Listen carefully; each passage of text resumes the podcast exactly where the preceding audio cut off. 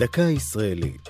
השבוע עצים לכבוד ט"ו בשבט, והפעם אלה ארץ ישראלית. אחד הצבעים הבולטים בטבע המקומי הוא האדום. התורמת העיקרית לצבע האדום בחורש הישראלי היא האלה הארץ-ישראלית. בעונת השלכת וגם באביב, עליה ענפיה הצעירים, התפרחות והפירות צבועים אדום, עז וזוהר.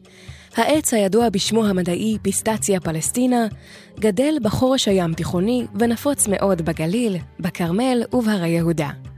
הוא מגיע לגובה כעשרה מטרים, ולרוב יש לו צורת שיח. עלי האלה מחודדים ומסודרים בזוגות, וכל חלקי העץ מכילים שרף הדומה לזה של קרובתה, הנפוצה אף היא בארץ, אלת המסטיק. מהשרף של עץ זה הכינו בעבר חומר לעיסה, שנקרא מסטיקה, פירושו ביוונית לעיסה. האלה מוזכרת פעמים רבות בתנ"ך. בזמן שמרד באביו המלך דוד, הסתבכו שערותיו של אבשלום בסבך האלה, וכך נתפס ונהרג. ברפואה העממית משתמשים בפירות האלה הארץ-ישראלית כתרופה.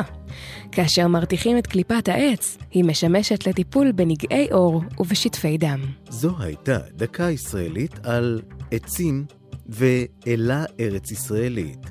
כתב אוהד ברזל, ייעוץ הדוקטור גדי פולק, הגישה עדן לוי.